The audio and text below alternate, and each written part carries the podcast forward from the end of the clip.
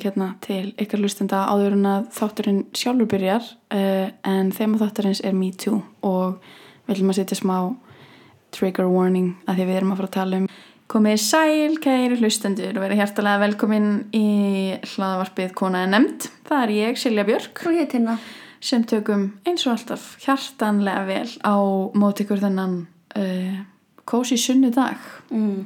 búið að vera rigning, búið að vera haustið er komið, Já, haustið mætti með pompi og prakt tók við á sumrinu. Og ég hlakka til að verða þurft aftur eftir 7-8 mánuði. já, akkurat næsta sumar, eða kemur ykkur tíman næsta sumar, vitum það ekki Herðu, þema dagsins í dag er eiginlega, svolítið ekkert eiginlega, er mjög skemmtilegt við sem sagt vorum á stórgóðri Me Too uh, ráðstöfnu hérna í Reykjavík sem var uh, 17. til 19. september og uh, hlustuðum á marga merkilega, skemmtilega fræðandi fyrirlestra Mm. og mér langar bara að taka smá stund og uh, í rauninni bara hrósa og þakka skipulegjendum þessara ráðstöfnu uh, kærlega fyrir. Þetta er bara mikilvægt málefni, það er mikilvægt að tala um hvað við ætlum að gera í eftirmálum Me Too og hvernig við ætlum að uh, taka þetta moment og breyta því eitthvað varanlegt. Já, og líka mynda því að núna eru tvö ár, að vera tvö ár liðir síðan að sérst, byltingin hófst. Akkurat. Að þú veist, það er svona nýja brumir svolítið farið af þessu og það er með þú veist, hva, hvað ætlum við að gera í framhaldinu? Ætlum við að gleyma þessu, Ætlum við að já, gera eitthvað við þetta? Já, og gera eitthvað, eitthvað uh, bitastætt, eitthvað, eitthvað varanlegt við þetta. Og þetta var mjög skemmtilegt. Um, og uh, ég fór aðalega uh, til þess að sjá hana Roxanne Gay, vinkunum mína, en hún komst til miður ekki út af einhverjum flug vandamálum og eitthvað sem var mjög heartbreaking fyrir mig. En hún var samt með alveg geðveika ræðu. Hún sendi bara mi- þú veist, myndband af sér með ræðuna. Það er geðveika ræðu. Og svo þegar ræðan var búin okkur með Reykjavík dætur og óniðu sviðið og ég var bara oh, what, a, what a beautiful moment in time fyrir, uh, fyrir okkur konur. Mm. uh, og þú sást eitthvað áhugavert líka?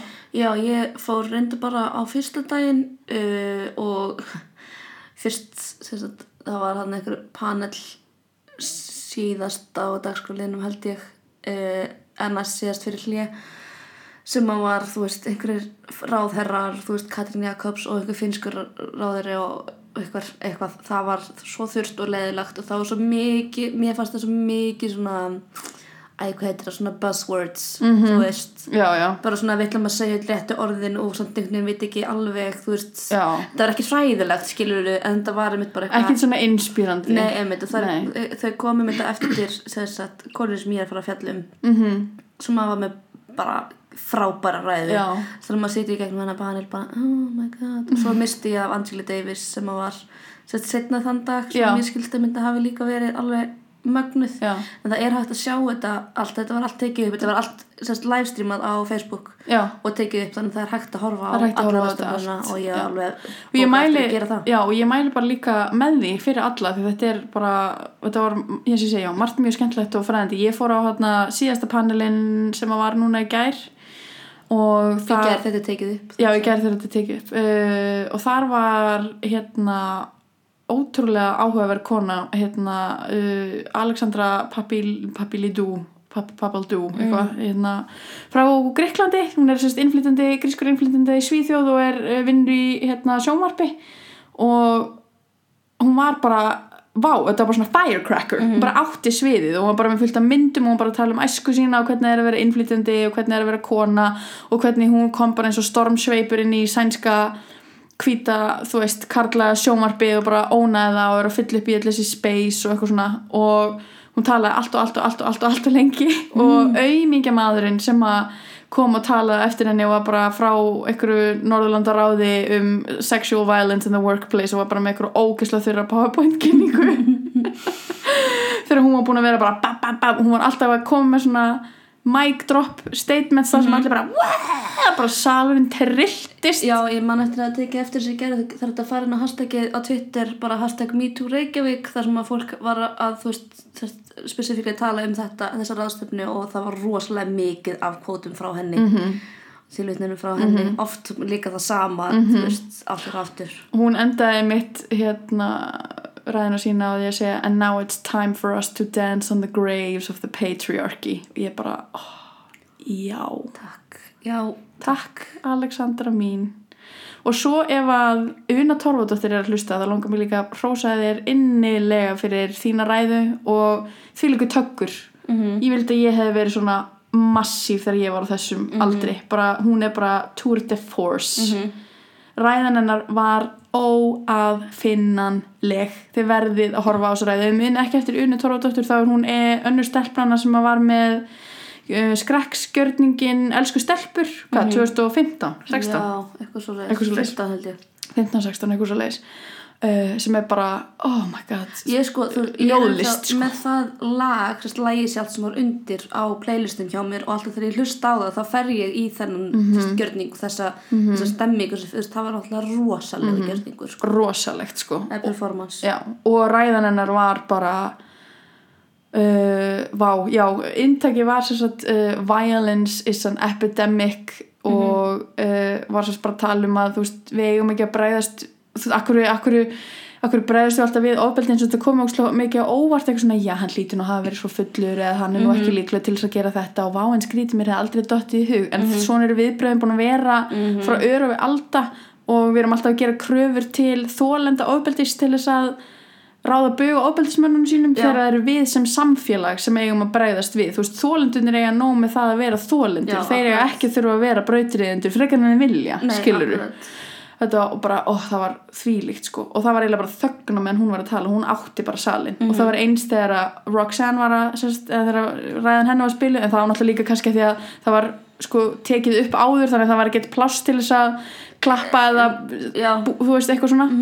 Uh, en það var bara þú hefði getað heyrt sömnált þetta. Mhm ég er náttúrulega að elska hana sko Já. þetta var mögnuð ræða Ég mitt sá eitthvað kvot úr þeirri ræðu sem var eitthvað, ég, ég, það er 2019, ég, ef, Já, ef ég spur hvort já. þessi feministi, eða þú veist, hvað feminismi er, þá ætla ég ekki útskýra það. Mhm. -hmm. Bara þú veist, ég þarf ekki, við eigum ekki þurfa að gera það lengur. -hmm. Og þú veist, ef þú veist það ekki þá bara er eitthvað að þér Já. skilur, já, það var mjög flott já, þannig að þetta var stórgóður ástefna og ótrúlega skemmtilegt og líka ég trilltist í ljósi nýrar hérna, umræðu um Reykjavíkudætur þetta var bara geðveikt.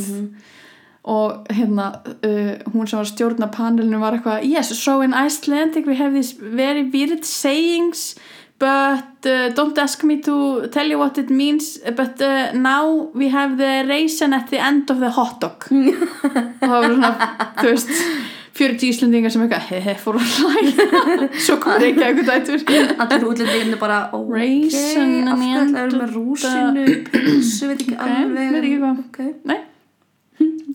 en já, þannig að bara frábæra aðstöfna og þema dagsins er einmitt Me Too Me Too uh, í breiðum skilningi þannig að ég held að það sé bara tími til komin að við fyrir að dýja okkur ofan í þetta bitastæða umræðefni jöps.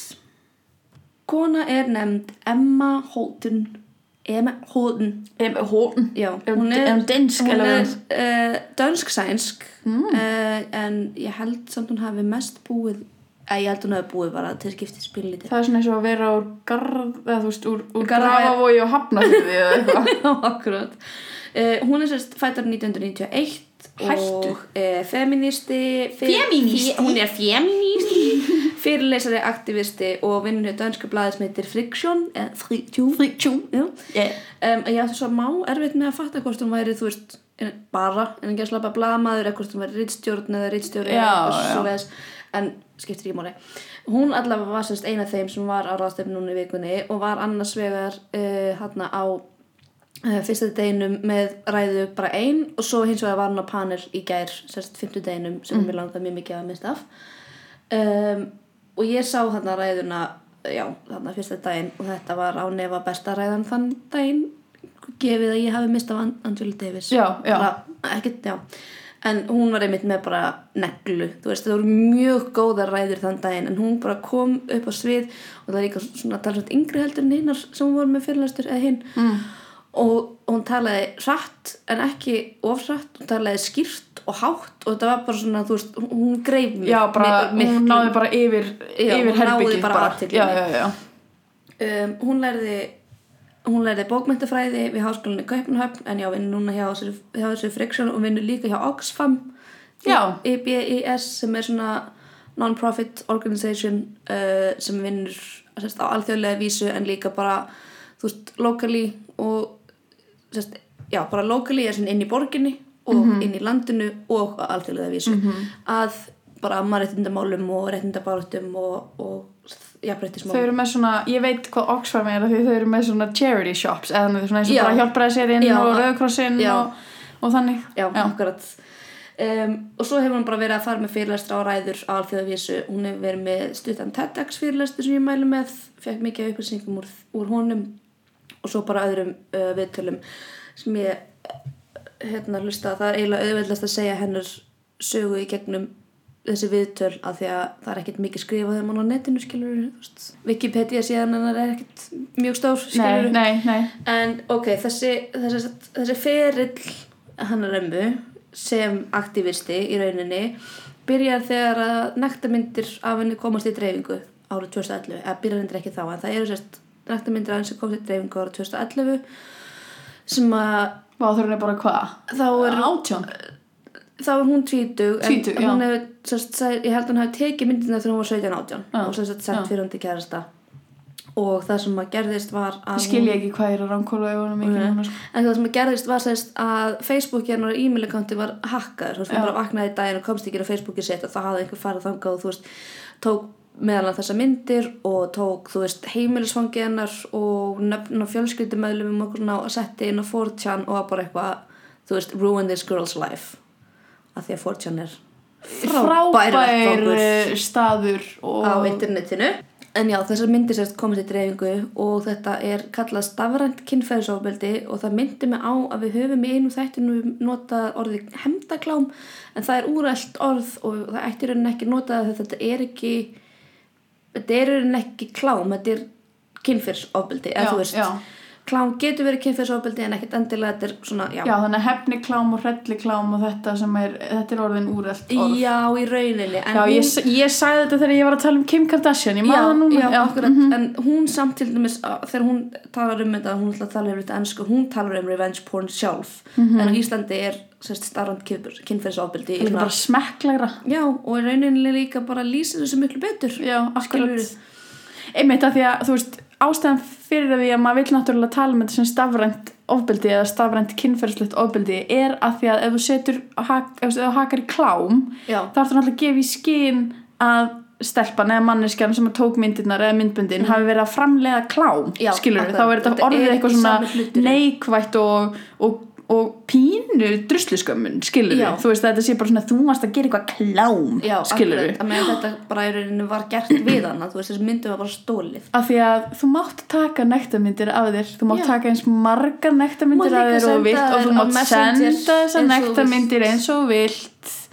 Það er ekki þér að kenna ef einhver þú veist, tekur þessar myndir og gerir eitthvað við þær. Nákvæmlega eins og það er ekki þér að kenna að þú varst rændur af því að þú átt hús. Já, akkurat því að þú veist, það er ekki þér að kenna ef þú verður fyrir kynferðslega ofbeldi af því að þú ert í líkama. Já, akkurat.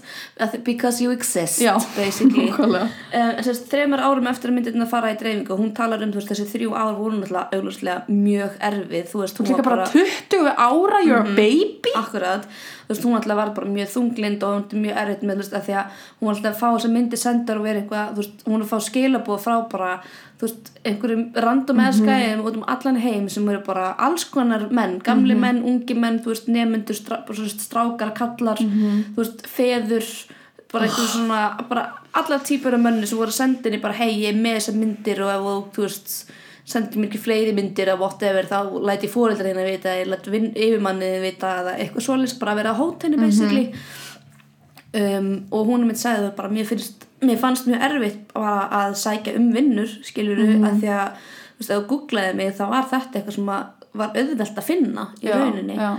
Um, en sem sagt 2014, þannig að þreymur árum setna þá var hún komið með freka mikið leið á þessu þannig að hún hafði samband við ljósmyndara og lét bara taka myndir af sér heima sér, þú veist, og þetta var bara svona þú veist, hún eitthvað svona að fara að fætur og klæða sig í gallabuxus og bara á brjóstunum mm. skilur við, Mm. bara svona að gera vennilega hluti, þetta er bara mjög svona hversdagslegar fínar myndir -hmm. þú veist, og þá hún svona sagði bara, ég ætlaði bara að taka þessu alltaf í mínu einn hendur fyrsta lagi þá er þetta náttúrulega það sem kemur upp núna þegar þú googlar hana -hmm. Og líka með bara svona að taka valdið tilbaka yfir sínum eigin líkama og bara svona skilja þetta svolítið eftir í fortíðinni. -hmm. sjálfsögur hún náttúrulega ennþá að fá sér skilabóð fólk er ennþá að senda henni þessar myndir og ennþá bæði, bæði fólk sem er eitthvað hei, þú veist, ég rekst á þetta vissur af þessu? Og hún bara, ég hef búin að vita af þessu í átt ár, skilur Já, líka, interneti er bara þannig, þetta er bara hýtra. Þú þú heggur af einn haus og það spretta sjö í viðbútt Já, þetta er eins og þegar fólk er að að taka niður Pirate Bay og eitthvað, maður bara, þetta er ekki hægt þú er bara að pissi vindin hérna, skilur og hún orðar þetta í rauninni sjálf freka vel sagt, sem var kannski svona þetta stafrana kynferðisofbeldi svolítið svona take on, á það. Hún segir I'm the victim of an online consent violation. Því að hún er rosalega mikið síðan þá búin að taka þetta hugtak consent og vinna rosalega mikið með það. Hún stopnaði verkefni sem hétt consent og búin að vera að tala mikið um hvað er samþykki og hvað er ekki samþykki. Og hún hefur talað uh, áráslega mikið af líka svona tech ráðstefnum mm. er rosalega mikið að tala uh, hérna, við fólk sem er að svona, er svona framtíðin í tækni mm. skilur uh, já, hún er mikið að tala við þú veist, fólk sem er svona framtíðin í tækni og uh, segja við þau bara þú veist, þið verðið að hafa í huga þegar þið eruð að þróa næsta Facebook og næsta Snapchat og uh, næstu bara síma og allt þetta að það er verið að nota það er verið að misnota þetta. Það er verið að misnota, þú veist, það er verið að nota tækni til þess að beita ofbeldi. Já. og þetta er eitthvað svona þau þurfa að hafa í huga þú veist, hvernig get ég komið í veg fyrir einmitt, Þú að, að þetta sé nota til þess að beita beita bara sem ofbeldist tæki í Já, rauninni í rauninni. en, e, sorry þú veist, e- eru, er okkar hugsanaháttur bara svo takmarkaður eða er þetta hægt? Ég alveg að tala? Það, ég meina, þú veist, við erum það að tala um fólk sem skilur tækni miklu betur heldur en við þannig að, Já, en ég er bara segja, er þetta ekki bara svo integral part of being a human being já, skilurðu? algjörlega það, ég held að þetta sé aðalega spurning um að gera þitt besta skilur Já, mig, já, bara þú veist, hvað er það sem þú getur gert Mhm. til þess að lámarka áhættuna já, já, já, já, um, hún talar svolítið mikið um þetta privacy sem er rosalega mikið náttúrulega í umfjöllun núna þegar kemur á netinu þú veist hvað er private information og hvað er uh, má vera public og hvað mega síður taka og selja auglýsendum og bla bla bla. Og hún er með aðalega að segja veist það er svo mismunandi mill okkar allra hvað okkur finnst vera mikilvægt að halda private. Þú veist það er sumt fólk sem var ekki með neitt á Facebookinu sínu og ég vil ekki með Facebook af því það er bara nei, ég vil ekki að Facebook hafi neitt aðgang að neinu. Og meðan annað fólk sem er svo fólk eins og ég sem er bara mér geit ekki Nei, verið meira sama. Veist það er bara mín persónulega skoðun. Það sem Emma er svo mikið að tala um þegar kemur þessi privacy að er að það eina sem að samina okkur öll í þessu er að við erum að veita samþykki fyrir upplýsingunum og hvernig þær eru notaðar. Og það á við um allar upplýsingar ever, skilur það á við í rauninni um allt sem við gerum á bæða netinu og ekki á netinu. Eins og hún segir, þú veist, hún sá ekki beint eftir, hún, hún sá ekki eftir myndunum sem hún fór í dreifing, hún sá ekki eftir því að hafa tekið þær, hún sá ekki eftir því að hafa sendt þær, en þú veist hún var ekki spurð um leifi áður en þeim var dreift, það er það sem, það sem að þetta brot liggur um, hún minnist líka á því greinum sem ég las um máli að það er, þú veist það að vera kynþókafull og vilja vera kynþókafull á ekkert skilt við það þegar einhver annar tekur þú veist kynferðið þitt eða your sexiness þú veist þína kynþókafylli já. mm, um, þú veist þegar einhver hrópar úr þetta götu eða þú veist svo er skammast í feministum skilur fyrir að geta ekki tekið gríni þú veist, þú mátt vera sexy og þú mátt líta út eins og þú vilt þú mátt vera með brjóstaskóður og allt það það gefur samt einhverjum leifi Nei. til þess að gera neitt með það Nei. án þíns Akkúrat. og það, ge það, það gefur fólki samt ekki tæltur leifi til þess að lappa upp á þér ókunnur manneskjöni á göttinu og vera eitthvað ákveðinu flott brjóstmaður snertaðu. Nei, nei. þú veist þetta er vissuleiti auðvitað eru svona samskipti kannski á gráu svæði en þú veist þetta er svolítið fyrir mér common decency and common sense isn't always that common. En einmitt, máli er, þú veist, munurinn liggur í áritinu, þú veist, við getum í rauninni bara líkamlega, þegar einhver hrópar eftir þér út á götu, eitthvað hey sexy þú getur líkamlega bara labbað í burtu. -hmm. það breytir því ekki að þetta var áreiti. Akkúrat. og ör áreiti er, þú veist það sem að heggur í okkur skilur það er alltaf verið að gera þetta. Og svo er mitt, þú veist, þetta öráreiti er líka það sem að ítir undir þessa kerfispunnu kvenna. Akkurat. um, Já og líka, sorry, þegar ör áreiti er orðið, þú veist, af því að orðið ör áreiti er náttúrulega tiltölulega nýtt og þetta hefur hingað til verið bara þú veist, innan gesalappa bara partur af lífinu, svona hefur þetta bara alltaf verið. Og þú veist, þegar maður er að tala við sér eldri konur um, og þær segja þú veist, já ég var nú að vinna á bar og þá var þetta nú bara svona svona hins einn og þá sætti maður sér bara við þetta og bla bla bla. Og þú veist, mér langar alltaf að taka utan um andlitaðum og vera bara þú áttir aldrei að þurfa að sætta þig við þetta. Nei, akkurat. Veist og það að einhverju konu finnist eitthvað óþægilegt eða einhvern veginn brotið á sér en þú ert ósamálaði eða þér hefði ekki liðið eins í sömu aðstæðum það gerir hennar upplifun konunar sem varð fyrir þessu ekki minni eða óverðugri Nei, skilur akkurat. Þú veist, sumum finnst í lægi x hlutur og öðrum finnst það ekki lægi. Mhm. En máli er að þú getur ekki vita það fyrirfram í fyrsta lægi. Það er svona að byður maður um samþyggi. Og einmitt, þú. Já, sorry fyrir ekki, þú, eða, þú veist, ég er að meina skilur, þú átt líka ekki að vera að gaggrina eftir á eitthvað svona, þetta er nú ekki að vera kvartunda þessu, Nei, þetta er nú ekki neitt og neitt, þetta Já. var bara rosalega mikið fyrir þessa konu. Já, þú veist ekki hennar sögu, Nei. veist ekki hvaðan hún er að koma, Akkurat. skilur akkurat, þú veist, um, og einmitt líka ör áreiti, þú veist, það ítir, þú ör áreiti og svona orðræða og ég randaði nú mjög mikið um þetta einmitt í kringur Reykjavík þetta er máli sem kom upp í vikunni. Um, veist, það sýnir þetta kerfisputna samfélagslega vandamál sem er til. Mm skilur þú veist, það að einhver ein, einu sinni kalla eftir mér eitthvað, kannski skiptir ekkert það miklu máli að þú tekur það insulated incident, þú veist, isolated incident og bara tekur það bara hér er eitt dæmi og það hefði kannski engin áhrif á mjög persónulega, en þú tekur það dæmi og þú margfaldar það og þú setjar það á meir hluta hvenna, að þá er þetta samfélagslegt mein, Já. skilur og sýnir þessa hugsun sam, þessa samfélagslegu kerfisbundu hugsun sem að segir okkur að þetta sé í lægi þegar þetta er ekki lægi akkurat. Og það að konur okkur, að sko, að konur úr fyrri kynsluðum og konur á undan okkur hafi sætt sér við og lifað við og upplifað X og X Mhm. að því að þetta, mér finnst þetta vera oft um, svona það sem að eldri feministar og eldri konur nota gegn ungum feministum Mhm. og nýjum feministum að þetta sé bara eitthvað svona, þú veist, óþarf að vera að berjast fyrir þessu og væl og Mhm. svona hefur þetta alltaf verið og bla bla bla, af hverju má ekki vera til konudekk og af hverju má ekki Mhm. gera grína reykjavíkudæturum og eitthvað þú veist, af því að þú ert ekki að sjá stærri heldarmyndina, þú ert ekki að sjá að þetta eina litla grínum reykjavíkudætur eða the fact að það er til eitthvað sem heitir konudekk sem eru minni og léttari og auðveldari að setja undir bíla er að íta undir þessa systematísku, þessa kerfisbundnu feðraveldis hugsun sem að bara alveg sama hvort að þú trúir því eða ekki er viðvarandi í samfélaginu í dag, punktur. Já. Ef þú trúir þegar- ekki á feðraveldi eða þú trúir ekki á loftlagsbreytingar þá þýðir það sem þetta sé ekki til Nei, akkurat. Og þetta er líka mitt, þú veist, eins og þegar að það kom upp svona umræðir eins og um, hérna, um, að grænikallin ætti að vera pilsi og, og, og þú veist, og það kemur eitthvað, er þetta í alveg, þetta er stærsta vandamál feminismas í dag? Og maður bara, nei, nei, þetta er ekki stærsta vandamál feminismas í dag, alveg bara algjörlega ekki. En það að þér finnist óþægilegt að setja grænikallin í pils, Akkurat. sýnir þér það ekki eitthvað smá? Veist, þetta litlu vandamálin eru byrtingamind stóru vandamálin Akkurat. Og við eigum ekkert alltaf og sérstaklega kannski ungt fólk og fólk sem, eða fólk sem er nýtt í feminism eða aktivisma eiga ekki, kannski ekki alltaf orð yfir stóru vandamálin. Fyrsta lega því við þekkjum þau ekki en líka bara þegar við þekkjum ekki við kunnum ekki að tala um svona stór vandamál. Og þá byrjum við bara á litlu vandamálunum og það má.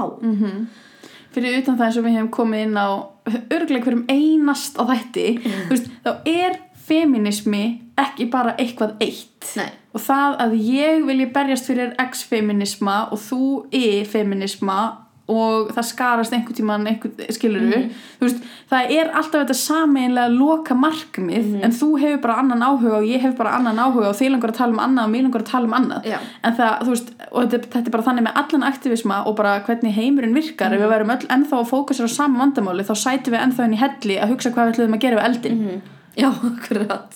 En eitt sem ég vil endar svolítið koma inn á sem er uh, kannski tala svolítið, líka svolítið á móti þessum punkti og er algjörlega óháð emmu en þetta minnum mig á uh, það sem að koma upp líka með MeToo ráðstöfnuna að uh, það var sem sagt á miðugudeginum var panel sem var fyrir, fyrir og frá fötluðum konum ekki fyrir fatlaði konur heldur þurft um uh, MeToo og fatlaði konur og hvernig það skaraðist eða skaraðist ekki réttar að sagt og það voru 30 af 800 manns sem maður mættu og náttúrulega fyllt af pan, öðrum panelum á sama tíma þannig að fólk var að velja að hafna.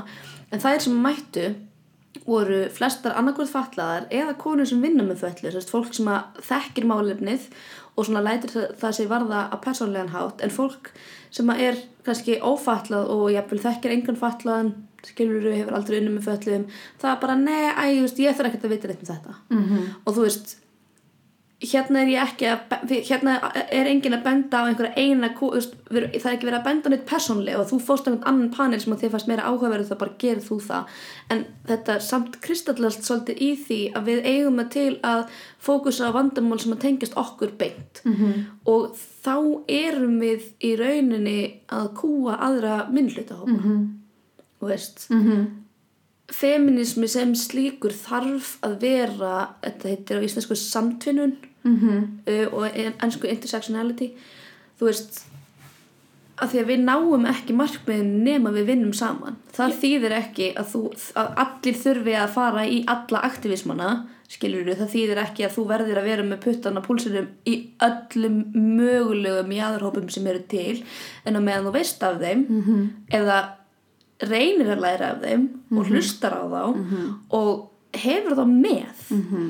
og það er líka svolítið sem að það er benti á sko að þú veist, jú það, fengu, það, það, það var þessi panel en föllin kom aldrei inn í umræðina í neinum öðrum panel á neitt annan hátt. Nei, þú veist, það var bara, já, hér er nú erum við búin að gefa ykkur eitthvað, eitthvað pláss Já, og hér er plássið ykkar og notið þið þetta pláss. Það var ekki gefið pláss í sko heildarmyndinni nei, einmitt, einmitt og ég sá líka að samanskapi að það var verið að dreifa miðum sem að fjalla um sagt uh, feminisma fyrir feitakonur Mm. og eða feitt fólk og hvernig skur, þeirra skurinn á við og hvernig það tengist MeToo og hvernig ofbeldi gegn feitu fólki er öðruvísi heldur en ofbeldi gegn mjóa fólki skilur þú veist það er svo margt sem að við verðum samt að reyna að hafa í huga mm -hmm. skilur mm algjörlega.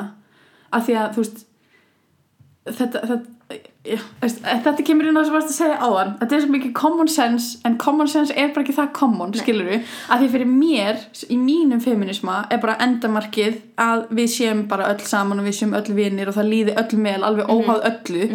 Og þú veist, ég skil ekki hvernig þú mér er alveg sama hvort þú kallar það feminisma eða hinsegin baráttu eða geðsíkis baráttu eða bla bla bla veist, ef þú ert að tala fyrir einhverju málefni og ef þú ert að berjast fyrir einhverju málaflokki en ta, þetta er svona eins og ef ég væri bara að tala um þunglindi sjúklinga en myndi ekki gefa kvíðasjúklingum kvíðasjúklingum eða geðkvörfum neitt pláss í minni umræðu eða ignora það eða bara, þú veist, ekki eins og pæla í því, skiluru þú veist, eins og bara að vera feministi en að banna transkonum að hafa rödd innan feminisma eða að vera hvítur feministi og ekki láta þau varða hvað er að gerast í lituðum feminisma eða flóttafeminisma eða, þú veist, ég bara þetta er gjössanlega beyond me, ég bara skildi ekki þú veist, einmitt í rauninni bara hefur vart að taka aktivisma og tala bara um hluti sem að varða þig persónulega aktivisma eða feminisma í rauninni þá ertu ekki að fókusa á jafnrétti allra, þú ert að fókusa á jafnrétti þig akkurat en, það til dæmis fyrir mér persónulega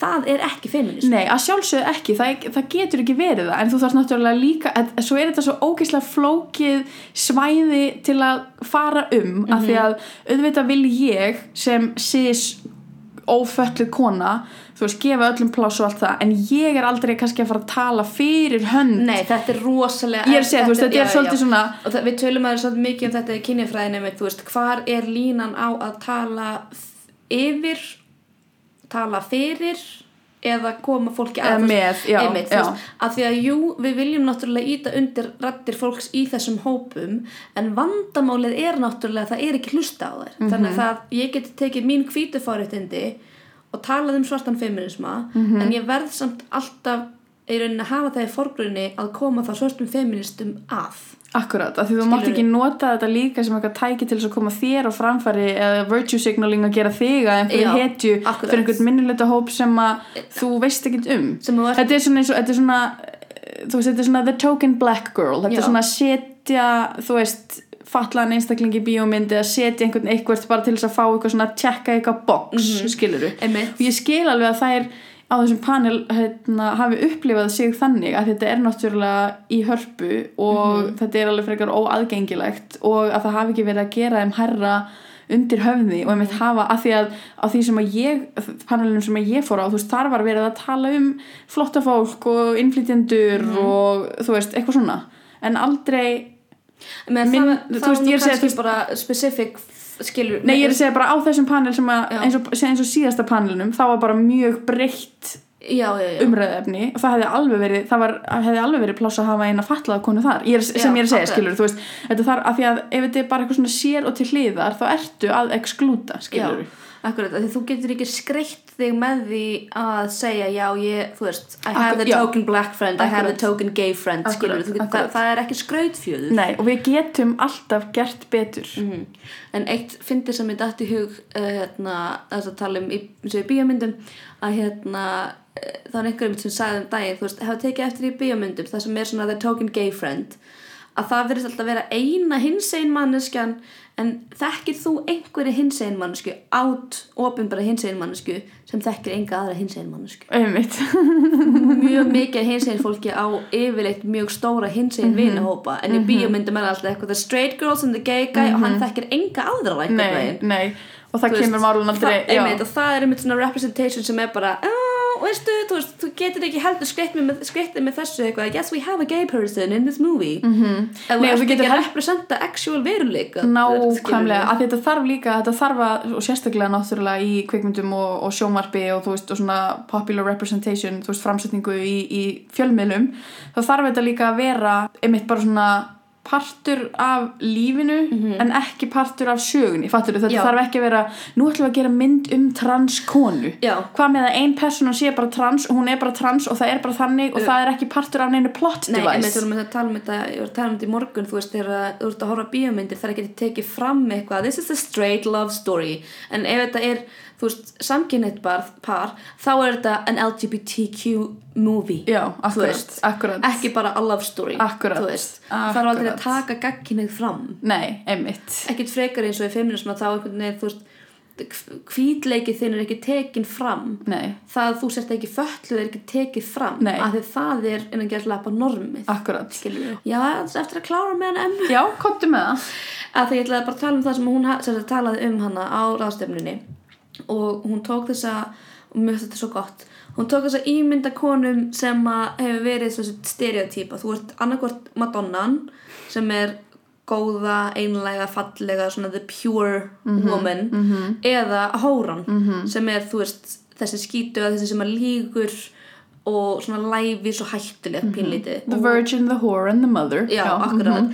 En svo ef þú færir þetta inn í nútíma, það sem hún var að gera, hún færir þetta inn í nútíma, þannig að við erum að tala um kurteysi konuna eða mild-mannered woman eins og Emma sagði og svo móðursjöku konuna eða the hysterical woman. Mm -hmm. Að þú ert að taka sko, kurteysa konuna sem sagt trúir því að ofbeldi sér til en það gerist út af vondu fólki. Mm -hmm. Þú veist, það gerist að það er fólk sem að fellur út fyrir þannig góða heim sem hún býr í. Einmitt, og gerir vonda hluti. Hún trúir því ekki að samfélagið að þetta sé samfélagslegt mein. Akkurat. Skilur þau, þetta sé samfélagslegur kultúr og þú veist, hún til dæmis kallir sig kannski alveg feminista að því að henni finnst nöðgunslæm skilur þau, en hún trúir því einmitt að þetta er, þetta er vonda fólki sem gera þessar hluti, einmitt, að þetta sé frávik en Já, ekki eitthvað ekki menning. menning, já, veist, ekki hluti af svona menningunni kerfisbundi vandamáli. Um, þú veist, hún, er með, hún er meðvirk með vandamálinu hún er meðvirk með feðraveldinu mm -hmm, og hún er eins og Emma var að segja þú veist, hún er svona konun á skrifstofun sem að kallarnir elska því hún er ekki með neitt vesen skilur einmitt. Hún er ekki með neitt vesen. Já, já, hún, er bara, svona, já, æ Kemur með kaffi og- svona, veist, þetta er konan sem að kallarnir giftast því að hún er ekki með neitt vesen. Já, akkurat. Svo eru við með uh, móðursjökukonuna sem að segir ef við byggjum í góðu samfélagi það myndi þetta aldrei gerast. -hmm. aldrei. -hmm. um, og þessar konur einmitt greinir á hvort að samfélagið veist, og menningin og kerfið sé gott eða ekki af því að móðsvíkukonan segir nei þetta er ekki gott samfélagið er ekki gott að meðan kurtisakonan er bara þetta eru bara vond fólk sem er að gera vonda hluti þú veist -hmm. sem er bara en á sama tíma þá þarftu samt ef þú, þú ert the mild mannered woman og þú trúir þessu, skilur en hvað ætlar þá að gera? Hvað á þá að gera? Ef þetta eru bara nokkur rótin epli í skeppunni, hvernig ætlar þá að koma fyrir, í veg fyrir það að það verði fleiri rótin epli? Eða ætlar það bara að standa og sætta þig við það að það sé alltaf rótin epli þannig til að þú býtur sjálf í eitt ætlar þá að skipta um skoðun? Skilur, ætlar það fyrst að trúa að ofbeldi og kynferðslegt ofbeldi og ör áreiti og áreiti yfir höfuð sé til þegar þú verður sjálfur fyrir því? Já, en ég held einmitt að það, þetta eru konundar sem þú ert að tala um áðan sem einmitt sættu sér bara við þetta. Svona er þetta bara. Stundum kemur þetta fyrir þig, stundum ekki og ef þetta kemur fyrir þig þá er þetta samt frávik. Jafnvel að þetta komið fyrir þig. Skilur Þú veist, kurtesakonan, hún er bara, ef hún lendir í einhverju sjálf, þá er hún samt bara, vá hvað þetta var leiðilegt fyrir mig. Vá hvað ég var, ég var óheppin að verða fyrir ofbeldi. Nú er fólkið í heila skrifstofunni minni bara bíp, bíp, bíp, bíp, does not compute. Nei, akkurat En hún, hún hugsa þetta bara sem skilur óhefni Þú veist, það er bara Hún var óhefnin að lenda í þessu Já. Að meðan að móðusíka konan segir, þú veist, þetta var Þetta er pínur svona, þetta var ekki mér að kenna Dæmi Já, Þú veist, já. að meðan að, að, meðan að kurtesakonan er, einmitt, hún kannski segja að þetta var ekki mér að kenna en ég var bara óheppin mm. -hmm. á meðan að móðusíka konan segir þetta kom fyrir mig að því að samfélagið ítur undir að þetta komi fyrir mig Akkurat, akkurat. Ég mæli rosalega mikið með að þið finnið uh, þessa ræðu frá emmu frá því á þriðudaginn 17. september Já. þetta er held ég inn á örglaði linkar inn á eventinum á Facebook og líka hjá REKK á Facebook mm sest, háskóla hérna, félag sem ég man ekki alveg núna en þau sem sagt voru að posta þessu og það er hægt að sjá alla fyrirlestrana uh, á, áður en við höldum að randa þá höldum áfram að randa þá er þetta sagt þetta var síðasti punktur nýjum Já. um emmu Þetta var hún Emma. Já.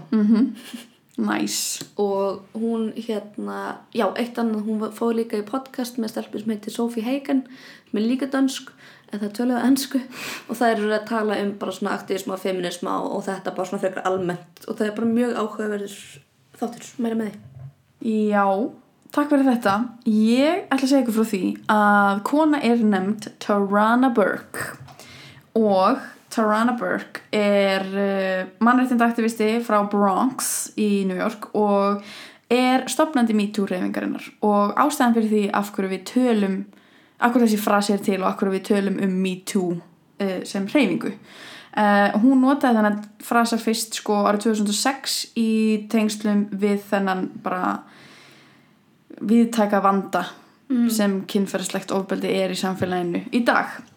Um, og frasin var ekki mikið notaður á þessum tíma þannig að 2006 um, það er í rauninni hashtag ekki orðin hashtag, sko, millimerki voru náttúrulega ekki til Nei. og samfélagsmiðlar eru náttúrulega valla til, Já, veist, Facebook er ekki svona- til. Mæ, þetta, hún gerði þetta á MySpace Já. og það var ekki kannski þetta væral dæmi er ekki komið að stað. Nei, alls ekki, minna 2006 er YouTube sko glænýtt. Já, þannig að, úst, og mím eru ekki til, skilur þannig að það er allt annað landslag í, á internetinu, Mhm. en hún byrjaði bara að nota hennar frasa í sérst tengslum við þetta, bara viðtæka samfélagslega vandamál að, sem að kynferðslegt ofbeldi er um, og það er ekki fyrir enn 11 árum síðar að þessi frasi er tekin upp aftur og er það notaður í tengslum við Weinstein málið, Harvey Weinstein málið og uh, verður svona vinsæll og er núna orðin bara Það- að því, að, fenómena.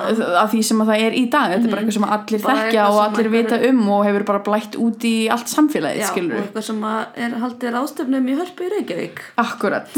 Og hún Tarana var ekki fórnarlamp Weinstein og tengist honum ekki neitt skilur þetta bara einhvern veginn bara svona kollektífli gerist einhvern veginn í þessum suðupotti sem, að- sem að internetið er. Um, en hún Börk er, er mjög virk í jafnbrettis og mannréttindabaráttu og feministabaráttu og hún er mjög öflugur fyrirlesari heldur fyrirlestra víða um heim. Uh, og er vinnur núna sem samskiptastjóri uh, hjá Girls for Gender Equity í Brooklyn sem er svona feminisk miðstöð. Og hún hefur líka mjög mikið verið að vinna með ungum stelpum og stelpum sem hafa orðið fyrir kynfyrslu ofbeldi. Um, og hún í kjölfar MeToo byltingarinnar, ef við tölum um momenti 2017 sem MeToo byltinguna þá er hún þrátt fyrir að hafa ekki tengst á Weinstein og neitt nátt, þá er hún nefnd sem eh, ein af The Silence Breakers og The Silence Breakers eða þær sem að rufu þögnina eh, voru nefndar manneskjur ársins hjá Time Magazine árið 2017 þannig hún hlaut þann uh, góða heiður. En Tarana er fætt 12. september 1973 í Bronx og hún er alveg upp uh, uh, í Bronx hverfi í svona housing project sem að þýðist, þýðist sem svona félagsblokk eða bæjarblokk eða þannig. Já, hún já. kemur sérst úr mjög fátækri fjölskyldu bara örbríð og fátækt og áttalega frekar erfitt uppeldi vegna þess. Bjóðu þarna í þessum bæjarblokkum á, í félagslega kerfinu og þegar hún var barn og aftur þegar hún var úlingur þá lent hún í kynferðislega uppeldi misnótkun og nöðgun og mamminar var mjög skilningsrík segir hún sjálf og stutti dóttur sína í gegnum þessa erfileika og hvart hana svolítið til þess að svona ekki kannski notfæra sér þetta heldur, heldur meira bara svona ekki láta þetta buga þig, þú veist, taktu þetta og gerðu eitthvað við þetta, taktu þessa ömulegu lífsreynslu sem þú lendir í og gerðu eitthvað við þetta. Og hún var að hvetina til þess að vera virki í samfélaginu, líka bara svo myndi ekki fúst farið þunglindi og einangrast. Og Tarana segir að hérna, þetta hafi svolítið veist, þessi orðmóðurinn hafi kvart hana til þess að fara svolítið inn í kerfið og reyna að breyta kerfinu innanfrá. Og hún er í rauninni bara búin að vera að vinna í þessu félagslega kerfi með þólendum kynferðisofbeldis og þólendum heimilisofbeldis og minnulutahópum síðan hún var sjálf bara 14-15 ára. Um, hún vann já, mikið með konum og stúlkum í aðsettum samfélögum uh, og vildi líka náttúrulega leggja ríka áherslu á að lituðum og svörtum konum er þið gefin rödd innan þessara baróttu um, hún flutti til Selma í Alabama sem mjög mjög fyndið uh, á 90 og fór í Alabama State uh, og flutti síðan flutti sér um háskóla og útskrifaðist þaðan og allir nemyndur hann lýsinni, þú veist bara hún hefur alltaf verið svona. Hún var bara alltaf aktivisti. Þú veist, ef hún var ekki í tíma þá var hún að skipulegja mótmæli eða á mótmælum eða hjálpa einhverju jaðarsettir í minni hluta konu eða bara, þú veist, hún var bara alltaf að hjálpa einhverjum. Og þú veist, ég var skipulegja einhverja blaðamannafundi og bara hún var aldrei kýr Úps. Og hún segir sjálf í æfisögu sinni að um, þessi hörmulega atvik sem hún varð fyrir uh, og þetta frá þessi, þessi kvartning frá móðurinn hafi spila bara sem stærstan þátt í öllu sem hún hefur gert síðan. Og uh, þegar hún uh, hitti stelpu, hún segir sérst söguna frá því og þetta er rauninni sagan af því hvernig þetta Me Too dæmi verður til. Að þegar uh, árið 97 þá hittir hún 13 ára svarta stelpu sem heitir Heaven og þannig er hún búin að vera að vinna mikið með þólundum kynferðsofbeldis og þessi stelpa segir henni frá því að hún hafi verið misnötu kynferðslega af kærasta móðu sinnar og er að segja henni bara söguna af því, þú veist bara hvernig hún hefur verið misnötu og hvernig hún hefur verið beitt ofbeldi og Tarana man eftir því að hafa bara hort á hana og ekki haft hugmyndum hvað hún átt að segja eða bara hvað hún gæti yfirleitt sagt. Þannig að hún sagði einhvern veginn ekki neitt við hana nógu hugristandi einhvern veginn fannst henni svo þegar stelpa hann farin þá hugsaði Tarana ég vildi ég hefði sagt við hana me too. Mhm. þú veist, ég líka. Ég hef líka lent í þessu. Þú ert ekki ein. Og það er það sem er svo fallegt við þennan frasa og síðan þessa hreyfingu uh, og það er jafn fallegt og það er ljótt. Mm -hmm.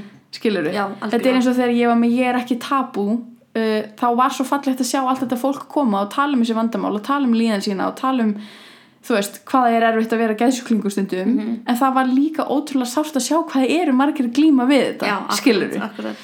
um, og ég myndi líka þetta me too, þú veist, þetta er svo mikið svona ég, ég, ég er að sína þér samstöðu og ég er að sína þér skilning af því ég veit hvað þú hefur gengið í gegnum já, af því að ég hef gengið í gegnum það líka Já. skilur já, og þetta, er, og þetta er svolítið mikið svona, þú veist ég er ekki að taka fókusin af þér eða þinni sögu, ég er bara að standa við hliðin þetta er bara samkend já, akkurat.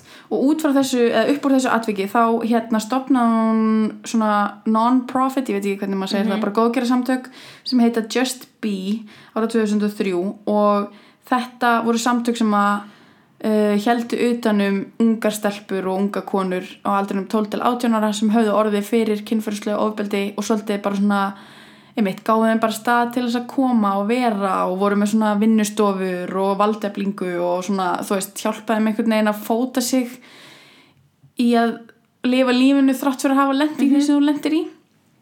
Um, árið 98 þá egnaðist hún dóttur sína Kæju sem hún hefur allir til tíð að alveg upp sem einstæð móðir. Og um, samtökin hennar þarna, Just Be sem hún er að vinja á, á þessum tíma. Um, sko byggja líka á því hún, hún sagði sjálf sko unga stelpur á þessum aldri þurfa að fá sérstaka tegund af aðtigli þær þurfa að fá bara sérstaka variasjón af aðtigli sem þær fá ekki í skólakerfinu eða after school program kerfinu af því að það er svo strákamiðað og svo karlamiðað og þær þurfa að geta komið eitthvað og sérstaklega þær eru litlar í sér að brotnar eða búnar að þóla eitthvað ofbeldi eitthvað starf sem er bara safe space Já, skilur en já, svo fyrir maður aftur í uh, uh, Me Too sérst 2006 þá stopnar hún þessa hreyfingu en hún var ekki viljandi kannski að stopna einhverja hreyfingu. Nei, hún byrjaði bara viljandi að nota þennan frasa út frá þessu atviki sem hún lendi í og hún fór að vera dugleiri að segja þetta. Me too, þú veist, ég líka af því að þetta er svo stórfælt vandamál þessi hegðun og þú veist, kynferðislega ofbeldi og þetta ofbe bara ofbeldishegðun mm -hmm. og eitt líkill þáttur hreyfingarinnar og, og hvað hún var að reyna að koma á framfæri var einmitt þessi valdefling í gegnum samkend já, þú veist, að valdefla konur til þess að koma saman og segja saman ég líka, ég líka, ég líka, ég líka. Og mm. þetta þekkjum við úr öllum svona ég veit ekki hvað maður að segja svona brotnum hópum, þú veist, AA-hópum og geðsíkishópum og áfengi, þú veist, allt þetta, þú veist, það er þetta að koma saman í svona solidarity Já. í samkendinni já, og ekkert endað eitthvað til þess að sitja og þjást saman held, að því hún vildi nota þetta sem valdeflingartæki skilur ok, við hefum allar lendi í þessu og erum við tilbúin til að gera eitthvað að breyta því fyrir aðrar konur já og í rauninni er þetta líka bara þú veist, eins og með flest annað að vita að þú ert ekki einn er að skilurðu, já, já. þú veist, og þá ekkert endilega við um kannski þá bara uh, eins og þú segir, þú veist, brotna hópa eða þannig heldur bara að þetta minnir mig áskilur það að vera hinsegin þú veist, þú veist það er ekkert brotið við það Nei, nei, að nei, vita nei. að einhver annar sé líka Já, hinsegin ég, meira, ég var meira að reyna að koma í orði einhvern veginn, þú veist, hópar sem eru ég ætla ekki að segja, þú veist, jaðarhópar eða minniluturhópar heldur bara hópar sem að bregða út af norminu Já, eða sem vananum, skilurðu. jaðarhópar. Já, þú Já, veist, bara já. svona já, já, uh, að því mitt það er svo gott að vita að, að því líka það, það eyðir skömminni Já, og innmannleikanum sem að maður finnur fyrir þegar manni líður eins og maður sé einn á kantinum og allir aðrir séu inn í einhverjum hóp skilur sem þú teilir allt í henni ekki.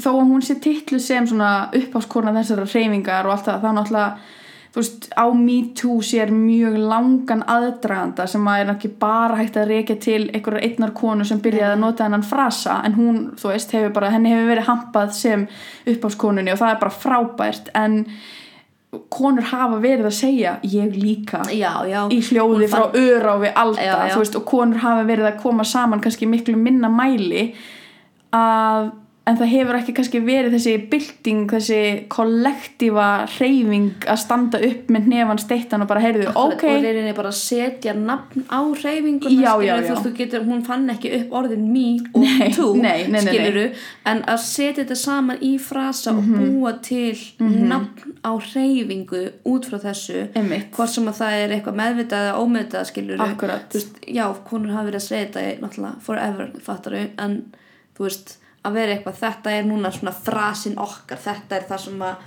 býr til eitthvað inn í henni. Einmitt, skiluru, það er það sem er þess Já. að munurinn liggur þess að byrjar þetta að vera eitthvað og hún sko sagði síðar eftir hérna þessa stóru byltingunda 2016 eftir Weinstein málið þá segir hún í viðtali við CNN On one side it's a bold declarative statement that I am not ashamed and that I am not alone On the other side it is a statement from survivor to survivor to say yes I see you, I hear you I understand you, I'm here for you and I get it. Já, og ég mér finnst það svo geggjað að þetta kristallar ekki bara MeToo reyfinguna heldur allar svona reyfingar þetta, er svo, þetta er tvískipt.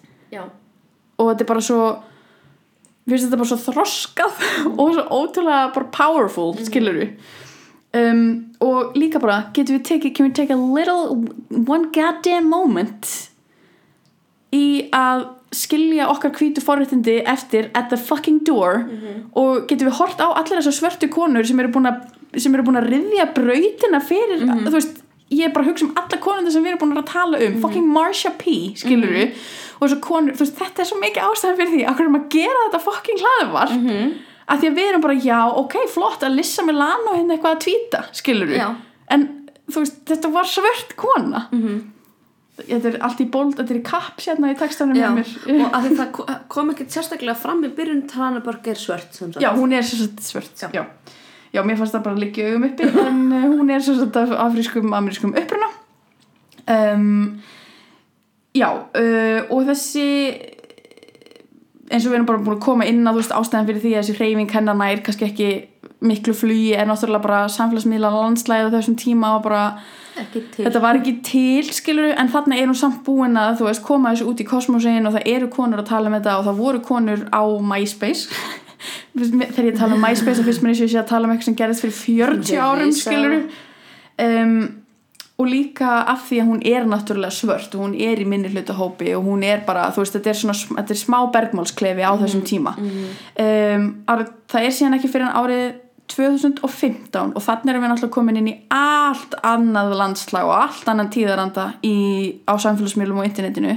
En árið 2015 þá eh, fer hún Ambra Giteres sem er ítölsk fyrirsæta var þá 22 ára hefur sagt opinbert málaferli gegn Harvey Weinstein. Mhm. Í New York fylki með hérna laurugluvaldinu í New York og fær meðal annars upptökur af honum að viðurkenna brot sín. Sérst hún nær upptökum uh, af honum að viðurkenna brot sín gegn henni. Um, og málinu var vísa frá vegna ónægra sönnunagagna og nú er ég að ránkóla augunum alveg hist og hér hérna.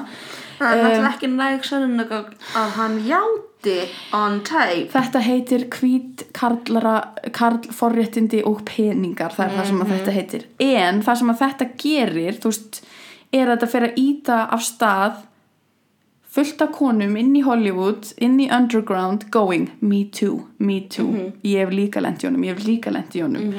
Og það er bara ekki hægt að tala um me too hreyfinguna á þess að tala um Weinstein-málið, af því Já. þetta á sér bara stað á sama momenti á sama tíma, Já, skilur þetta er náttúrulega mó, þetta er mómenti sem býr til byltinguna eins og við þekkjum hann í dag. Akkurat, en sko það þarf samt ekkert að veist, e- ef þú ferð að leita og ef þú ferð að fylgjast með þá eru konur búin að vera að tala konur í Hollywood búin að vera að tala um Harvey Weinstein síðan 90 og eitthvað og svona he he he minnast á hann Aha. en það var bara aldrei plattform og þá var þetta líka bara svona æ, svona er þetta bara Já, þú þarf bara að gera þetta þá var, þetta, þá var þessi stereotýpa af ungu stelpun sem flytur úr sveitinni í Hollywood og sefur hjá einhvern frægum gaur og verður frægur til því og þá Mhm. var það það var alltaf sett fram sem eftirsóknarvert Já og líka að því að þarna voru kannski einhverja tvær, þrjár búin að koma saman og vera bara, heyrðu ég lendi að ný Harvey Weinstein, já shit maður, ég líka.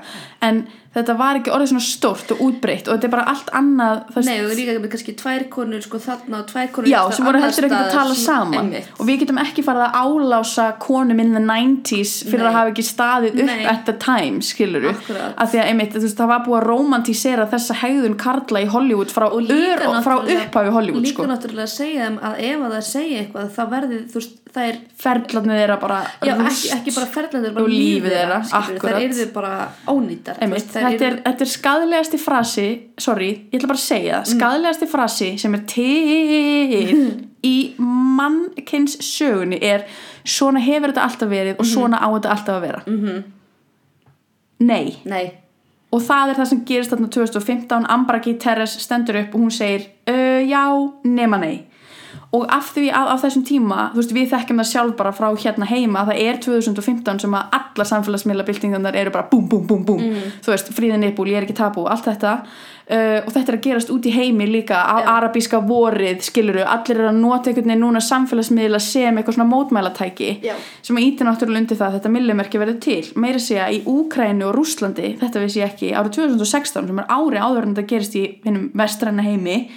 þá verður svona ákveðin MeToo reyfing til um, og sem sagt kona sem að byrjaði með millimerki sem man ekki alveg hvað var sem var eitthvað svona, þú veist, ég hef líka orðið fyrir kynferðislu ofbeldi, eða ég hef líka orðið fyrir ofbeldi og það var að kallar á konur að, þú veist, á rúsneskum samfélagsmiðlum að tala um þetta og þetta kollvarpaði rúsnesku samfélagi sem ég var bara svona, ok. Ég meina ég manlega eftir að hafa átt svona samtal þú veist að hafa séð svona tweet á íslenska Twitter þú veist áður en að MeToo verður þeng bara þú veist ég ætla að, þú veist, ef að búa til þrá þú veist, hvaða konur hér hafa lendi áhriti út á götu og það er bara 50 svör 100 svör. Sexdagsleikin var náttúrulega til Já, 2015 einmitt, já, já. sexdagsleikin Já. og, og þetta skilur við Já, ég meina það er, alveg, það er alveg verið að tala um þetta Mhm. og það er alveg verið að tala þannig er, þú veist, árið 2015 er búin að vera svona umræða í gangi í deglunni um þetta sem sagt, þannig erum við búin að finna það út og upp að þetta er kerfisbundið vandamál, Já. þetta er ekki eitthvað ein og ein einangruð og og, druslugangan og við erum búin að fá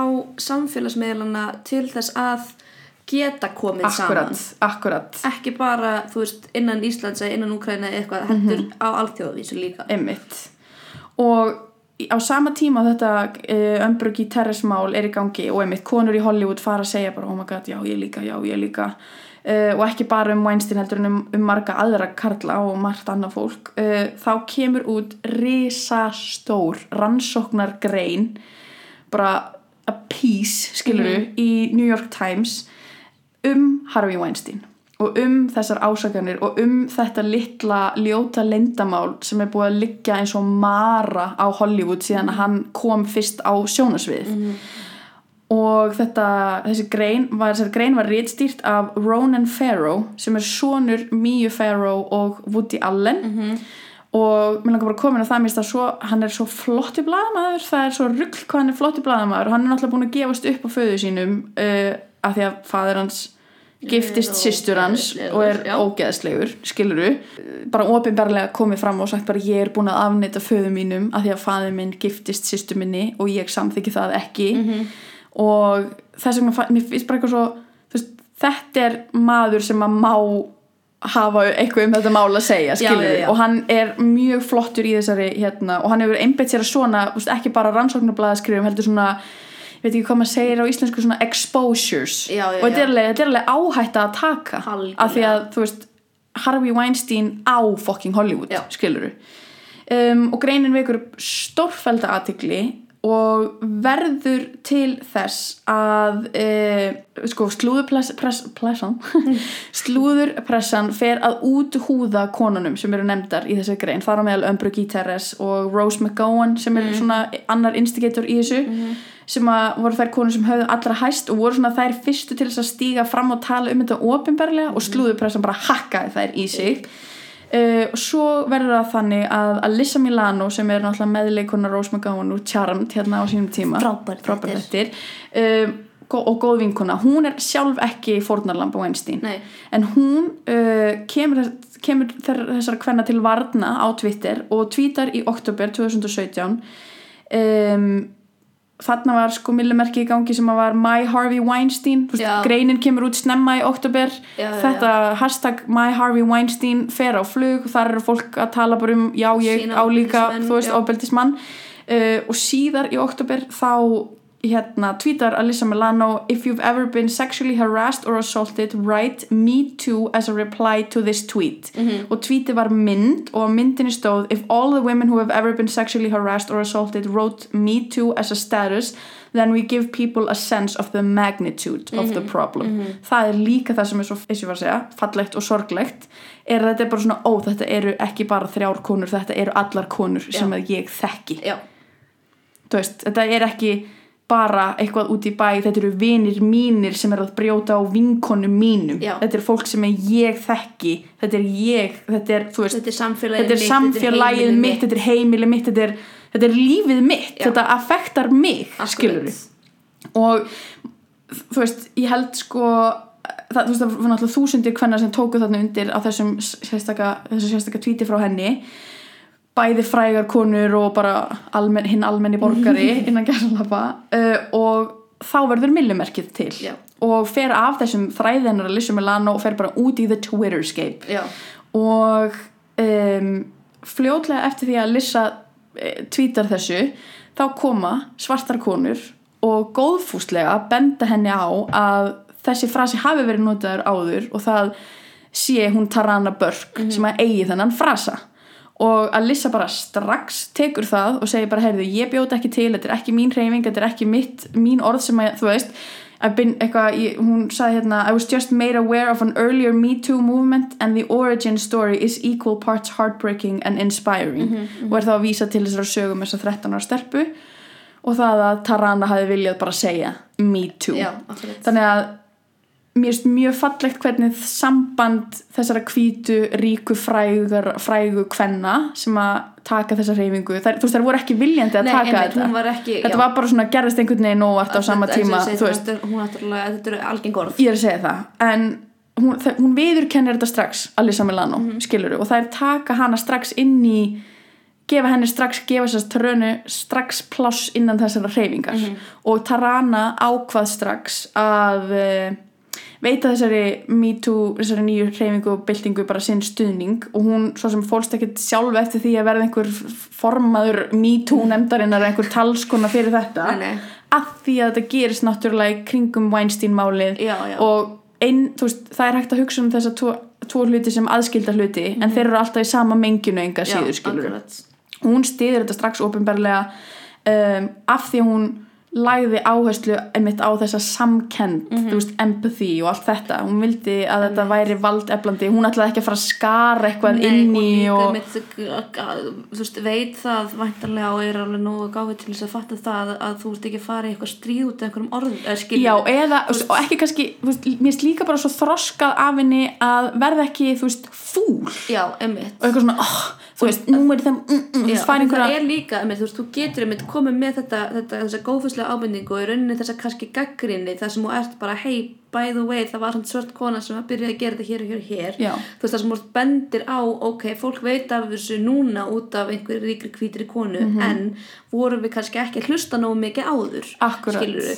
þú veist, þú, þetta er svona þú veist, einmitt, maður mað sér bara á taranu, taranu að þú veist, hún vil einmitt frekar bara styrkja reyfinguna akkurat, heldur en að fara í hártógum hver sagði þessi orð fyrst ak akkurat. Og það verður náttúrulega einmitt líka að koma fram að þetta eru tilviljanir að þetta gerist. Já, já. þetta er ekki hvítar konur hvítar ríkar konur sem grafa þetta einhverstaðar upp á MySpace Nei, og ræna þessu frá Nei, svörtu konunum, skiluru og þess vegna finnst mér líka svo fallegt að þær hafi þær, þú veist, tóku hana strax inn í þetta og gáf henni pláss. Já. og gerði henni hátt undir höfði og einmitt notuðu sín hvítu ríku Hollywood forréttindi til þess að koma málstað törunu af stað þetta Já. átti aldrei bara að snúast um Harvey Weinstein Nei, skiluru það var einmitt líka það sem að Lissa er að benda og hún er að segja þú veist já hún er ekkit fórnalamb hans. Nei, einmitt, það sem hún er bara að segja pælið sem dýri að við erum bara hérna heyrum og Harvey Weinstein en, það, en þessar sögur eru allstaðar Mhm. frá fullt af mismunandi fólki og þú veist, ef allar konur sem hafa orðið fyrir ofbeldi segja me too Akkúrat. að þá,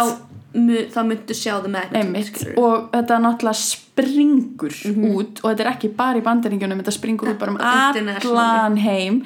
Og Twitter ætlar, áætlar að 48 miljónir tvíta hafi verið send út um MeToo í tengslu við Weinstein eða, á, þessum, á þessum tíma. Já, þessari herf eða þessi tíma. 48 miljónir tvíta sem að gæti þýtt og þýðir 48 miljónir kvenna sem hafa þórað að tala og þórað að segja. En sko, þetta er svona þetta sem að heilina mér fyrir í does not compute, þetta er allt of mikil tala fyrir mig til þess að skilja. ég skrifaði 50 miljónir tvíta sæl Sæl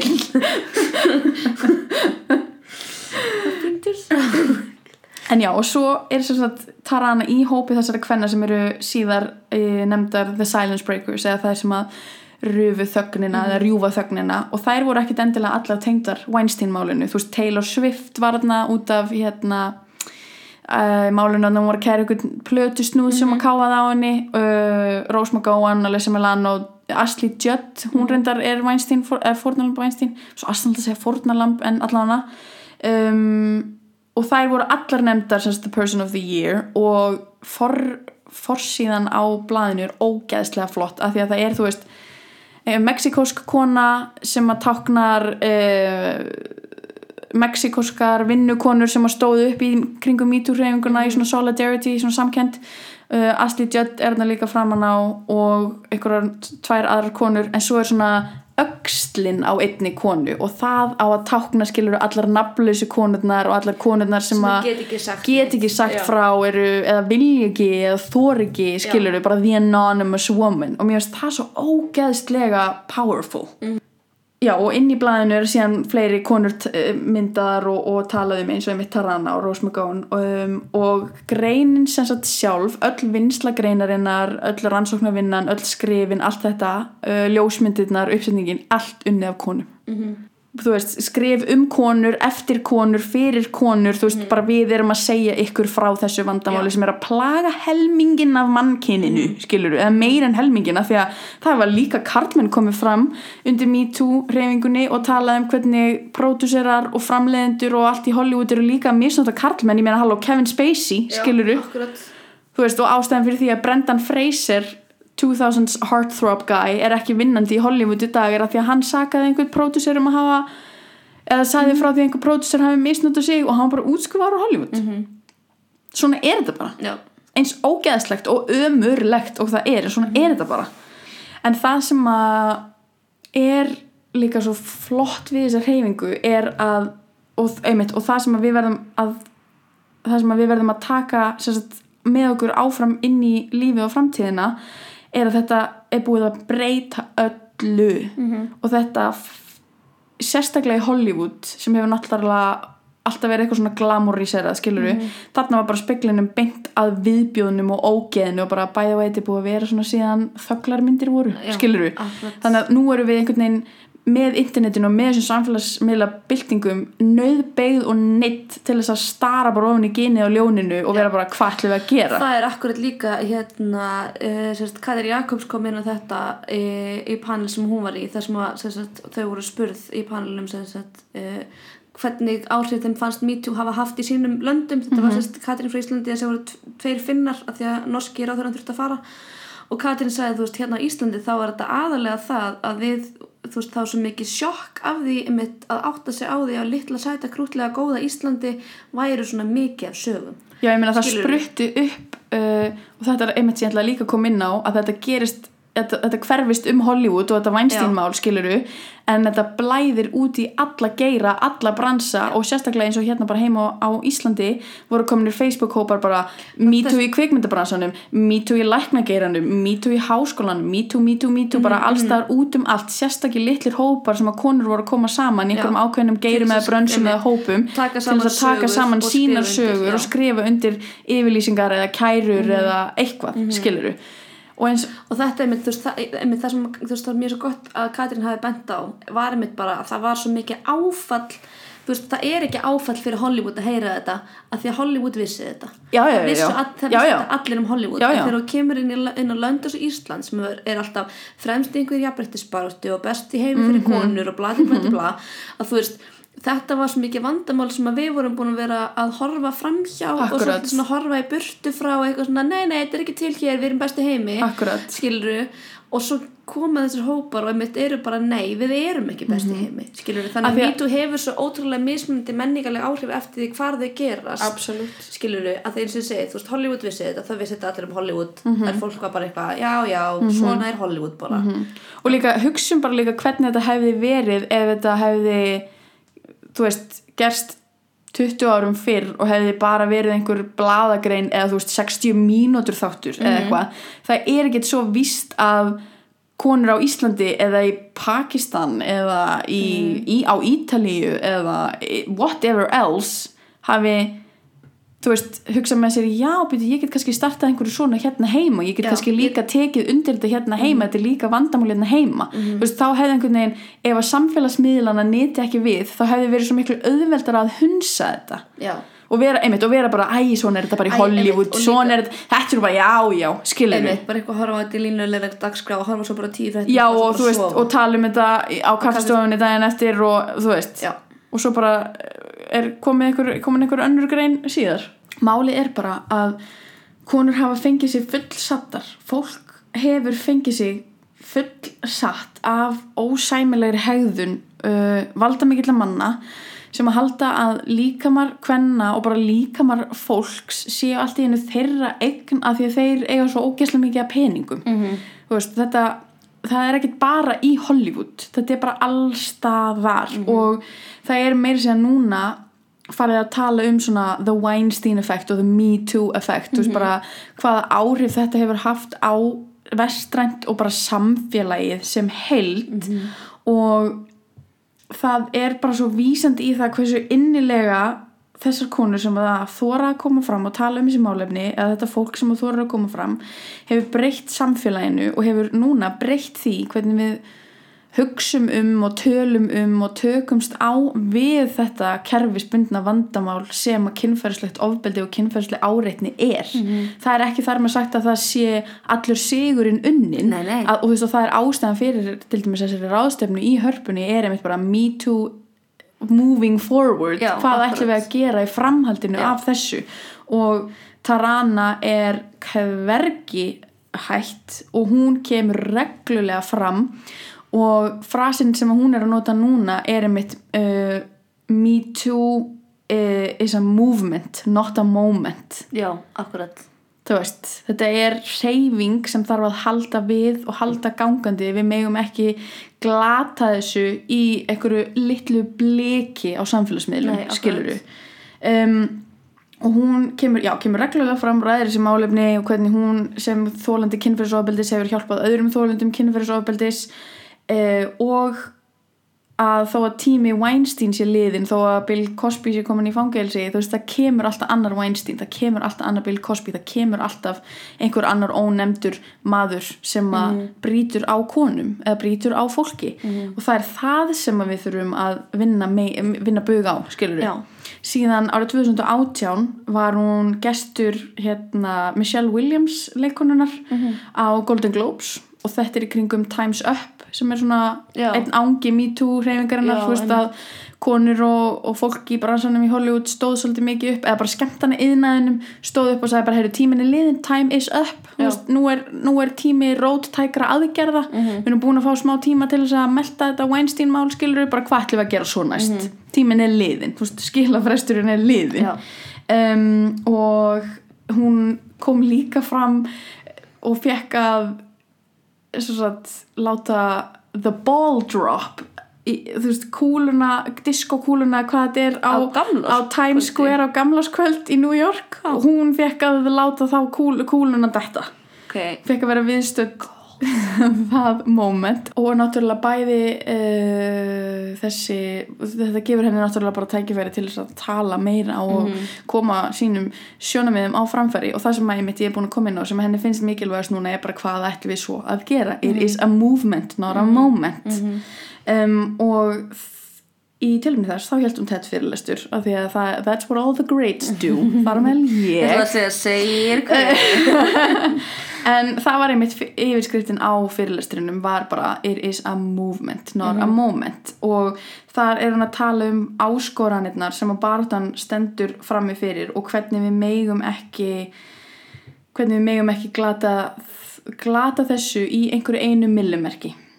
Já, og ég held að það sé þú veist, það er ekki tækt að halda einhverja eina ráðstefnu í Reykjavík á Íslandi og finna lausnirnar og svörin en við erum að halda samtalenu gangandi, skiluru og það er með því að halda samtalenu gangandi sem að við komumst að endingu að lausnum og að einhverju, einhverju betrun í samfélaginu. Akkurat.